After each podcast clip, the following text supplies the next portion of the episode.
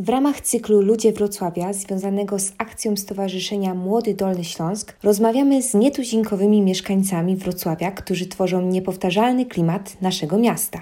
Moim dzisiejszym gościem jest Rafał Kozłowski, sportowiec, który od szóstego roku życia uprawia judo. Idzie mu to całkiem nieźle. Rafał jest wielokrotnym medalistą Mistrzostw Polski oraz Pucharów Europy we wszystkich grupach wiekowych, wicemistrzem Polski juniorów i seniorów oraz siódmym zawodnikiem Mistrzostw Świata Juniorów z 2015 roku. Jest również akademickim mistrzem Polski i Europy. W dzisiejszej audycji opowie nam o tym, jak stara się rozpowszechnić wiedzę na temat judo, co tak naprawdę liczy się w sporcie oraz o życiu sportowca w czasie kwarantanny i pandemii koronawirusa.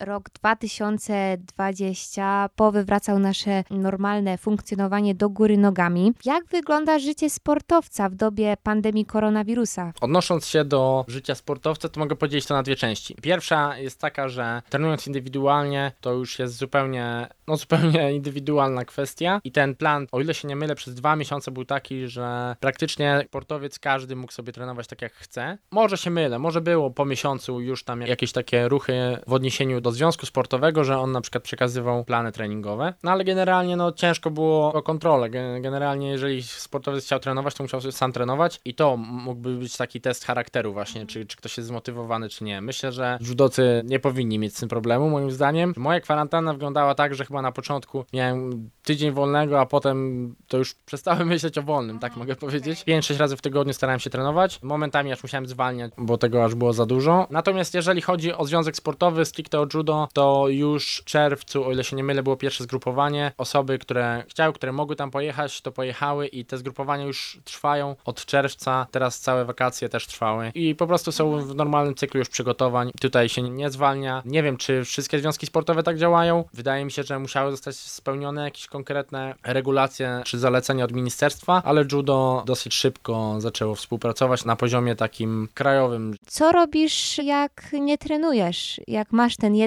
dzień wolny? Też myślałam, że właśnie podczas kwarantanny trochę odpoczywałeś, no ale tylko został mi ten tydzień o dopytanie w takim razie. To co lubisz robić poza judo? Hmm, to nie jest tak, że ten trening jest dla mnie męczący. Ja po prostu uważam go za swoją część dnia, nie, nie rozpatruję go na przykład w takiej konwencji pokroju z tego, że hmm, to jest praca, którą muszę wykonać, Aha. czy zmuszać się do tego, więc czasem to jest nawet taka przyjemność, która pozwala mi oderwać się od rzeczywistości, od tego, że mam jakieś obowiązki i tak dalej. Ten okres kwarantanny był dla mnie taką szansą na spojrzenie, tak jak dobrze zauważyłaś, to życie sportowca na, na wysokim poziomie, takim topowym krajowym, czy najlepszym krajowym jest takie, że on praktycznie pędzi z jednego miejsca do, do drugiego i w takim pędzie naprawdę jest bardzo ciężko myśleć długoterminowo. Praktycznie nie myślisz długoterminowo, tylko myślisz w kontekście od zawodów do zawodów. Czy się przygotowałem na te zawody, czy się przygotuję na następne zawody, czy zdążę, jeżeli tak, to co powinienem zrobić, co powinienem spakować tu, bo często jest tak, że na przykład wraca się do domu, jest dosłownie 24 godziny na przepakowanie się i tak dalej i zaraz trzeba na przykład jechać do Warszawy, bo następnego dnia jest samolot do jakiegoś tam innego miejsca na zawody, czy coś ten deseń, albo czasem wręcz z, od razu ze zgrupowań był wylot na dane zawody. Także ten okres na pewno oceniam bardzo pozytywnie, bo pozwolił mi na, na coś, na co nie mogłem się zdecydować długi czas. Między innymi na takie spojrzenie długodystansowe, na to dokąd ja zmierzam i co chciałbym sam robić. Tutaj właśnie już nawiązując bezpośrednio do tego pytania, czym się zajmuję poza judo, czy, po, czy poza treningami, no to zajmuję się dosłownie wszystkim. Mogę, mogę sobie powiedzieć, że żeby odnaleźć swój cel w życiu, dobrze jest poznawać, czy otworzyć otworzyć się na, na różne zainteresowania i staram się nie ograniczać w niczym. Jeżeli cokolwiek mnie interesuje, to się tym zajmuję. Już oczywiście jakiś tam banał pokroju rozwoju osobistego czy te rzeczy, to oczywiście jak najbardziej się w to zagłębiam, ale zagłębiam się też w takie sprawy bardziej przyziemne pokroju tego, co mi przeszkadza samemu i wiem, że przeszkadza innym osobom i jak mógłbym to zmienić i ewentualnie jak mógłbym to zmienić tak, żeby te osoby ceniły sobie tą wartość, którą wnoszę do, do ich życia, czy będę wnosił do ich życia, na tyle, żeby stworzyć na przykład z tego jakiś biznes czy, czy coś w tym rodzaju. To jest y, bardzo ciekawe, bo cały czas, jak właśnie mówisz, co robisz poza judo, wydaje mi się, przynajmniej u mnie, to jest y, w kategoriach pracy. Jeszcze sport, ok, to jeszcze jest hobby, ale na przykład praca nad sobą, to chyba też jest w kategoriach mimo wszystko pracy. Nie masz jakiejś takiej rzeczy, która po prostu robisz i nic z tego za bardzo nie masz, tylko przyjemność. ale to jest dobre pytanie, ale... Zawsze musi być ta korzyść. A no właśnie, może ja mam taką obsesję, wiesz, typowo sportową, typowo taką perfekcjonistyczną, że... Nie e, marnujesz czasu. Tak, to nie, to oczywiście to nie jest tak, że ja jestem człowiekiem idealnym, chodzącym w zegarku i tak dalej. Zdarza mi się marnować sporo czasu na jakieś social media czy tego typu rzeczy, gdzie widzę jakiś fajny design czegoś tam, jakiś fajny projekt, czy jakąś tam architekturę i się po prostu w to zagłębiam i z paluszkiem sobie jadę, a potem się okazuje, że minęło pół godziny czy godzina, ale staram się, żeby to było konstruktywne. Niemniej jednak nie zawsze mi się udaje, ale, ale staram się. Rafał zaczął swoją przygodę z judo w wieku 6 lat. Jak sam przyznaje, na początku, gdy nie chciało mu się iść na trening, motywowali go rodzice, którzy przypominali mu, że zapłacili za treningi. Co teraz z tą motywacją, jak już nie ma rodziców i już nie musimy się martwić o to, że zajęcia są opłacone? Jak teraz zbierasz się na trening w upalny dzień, na przykład taki jak jest dzisiaj, albo w deszczowy dzień, kiedy to najchętniej by się zostało w domu i po prostu nie robiło nic. Szczerze mówiąc, poniekąd już tak od tego judo odbiegam, ale mogę powiedzieć, jak to wygląda dalej, bo to, to, że odbiegam od judo nie oznacza, że zaprzestaję treningu w ogóle. Najlepsza zasada jest taka, że jeżeli nie masz ochoty na trening, to po prostu ubierasz się i wychodzisz. I myślę, że już jestem na takim poziomie, że, że dosłownie wiem, kiedy, kiedy mogę odpuścić, kiedy ten trening no nie będzie, nie będzie skuteczny, nie będzie efektywny, więc działam na takim automatyzmie. Jeżeli wiem, że mam do wykonania trening, teraz standardowo trenuję w takim cyklu czterech treningów tygodniowo, aczkolwiek to są ciężkie treningi, to są treningi siłowe o dużej intensywności, więc ta regeneracja i tak powiedzmy lekko się spina. To jest taki poziom automatyzmu, jeżeli ktoś uprawia sport kilkanaście lat, to on już nawet o tym nie myśli, czy powinien iść na trening, czy nie. Właśnie często tych sportowców trzeba hamować, bo oni za bardzo chcą trenować. To nie jest tak, że im więcej, tym lepiej. Powyżej pewnego poziomu już nie ma tej regeneracji, a regeneracja jest potrzebna, żeby była adaptacja. Adaptacja jest tym, co podnosi nasz poziom sportowy, więc żaden taki sportowiec, który jest zmotywowany do osiągnięcia celu, trenuje już kilkanaście lat, nie ma problemu z, z pogodą czy czymkolwiek innym, szczególnie jak jest na zgrupowaniu, bo to jest tak, że jeżeli przebywamy w grupie osób, która robi to samo co my, dąży do takiego samego celu co my, to nawet jak ktoś ma gorszy dzień, to cała reszta go ciągnie do góry i po prostu y, sami się napędzają wzajemnie. Gorzej jest tutaj, jakby ktoś na przykład sam miał trenować i mieszkałby z osobami, które nie, nie trenują zawodowo czy wyczynowo i tak jakby one mogłyby go odciągać poniekąd od tego jego celu ustalonego, ale oczywiście to są cechy indywidualne pewnie. Y, niektórzy mają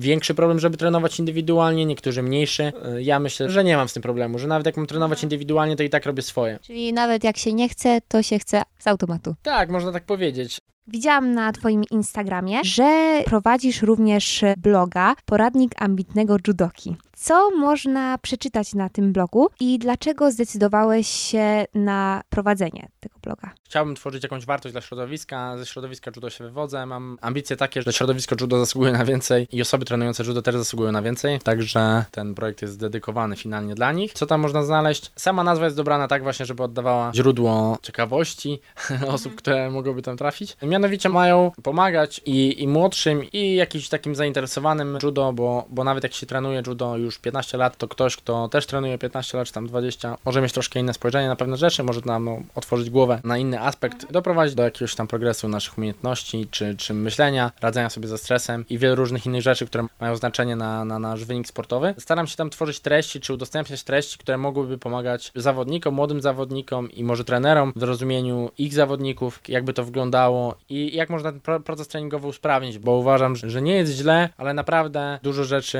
można usprawnić na różnych poziomach. Główną taką cechą mojego myślenia jest to, że nie uważam, żeby ludzie mieli złe zamiary wobec innych, na, na, w sensie nawet jeżeli są jakieś takie czynności, które można powiedzieć, że one szkodzą obiektywnie komuś tam, to ja nie uważam, że to wynika ze złej wiary czy złej intencji wobec tych osób, tylko z jakiejś takiej nieświadomości, może z systemu, który trzeba by było zmienić. I miło by mi było bardzo, jeżeli ja w jakimś stopniu kiedyś przyczyniłbym się do, do zmiany tego systemu na lepsze, bo zawsze można zmieniać na lepsze i, i tak jak już mówiłem, często jest tak, że osoby, które mają coś do powiedzenia, odpuszczają odpuszczają, bo myślą, że niewiele osób jest tym, tym zainteresowane, albo uważają, że nie mają na to czasu, żeby się tym podzielić, albo uważają, że powinien zrobić to ktoś inny. Często wpadamy w pułapkę tego, że no ja mogę powiedzieć, że z takiej swojej perspektywy, odnosząc się do zawodników krajowych, można powiedzieć, że mam osiągnięcia bardzo wysokie, no ale jednocześnie odnosząc się do zawodników topowych polskich, którzy zdobywali medale na Igrzyskach Olimpijskich, to można powiedzieć, że ja praktycznie jestem jednym z wielu i ciężko powiedzieć, żebym cokolwiek znaczył, o ile to tak można potraktować poważnie takie stwierdzenie. Chodzi mi o to, że nikt nam nie da przyzwolenia na, na tworzenie treści. Jeżeli ktokolwiek mówi ci, że mówisz interesujące rzeczy, czy twoje rady pomogły mu coś osiągnąć, to prawdopodobnie jest to dobry wyznacznik tego, żebyś te treści udostępniał dalej i tworzył dalej i po prostu pomagał środowisku swojemu. A jakby teraz y, właśnie w tym momencie mały Rafałek, ty z y, przeszłości, zaczynał swoją przygodę z judo, jakiej rady byś mu udzielił? Żeby był wytrwały bo wydaje mi się, że to zrobiło wszystko. Ja poniekąd nawet takiej rady nie musiałem dostawać, bo tak się skończyło, ale myślę, że ta wytrwałość robi wszystko, że to jest tak, że często wpadamy też w pułapkę tego, że chcemy wyniki tu i teraz i ja też w nie wpadam. Mam tak, że zaczynam nowe projekty i chciałbym, żeby już tu i teraz było fajnie, żeby już tu i teraz był sukces, ale jednocześnie mogę sobie popatrzeć na sport i ile lat ja pracowałem na to, żeby był sukces. Ile lat pracowałem do tego, żeby osiągnąć swoje życiowe wyniki sportowe, no to mogę powiedzieć, że zajęło mi to 16 lat. No to po prostu w odniesieniu do, do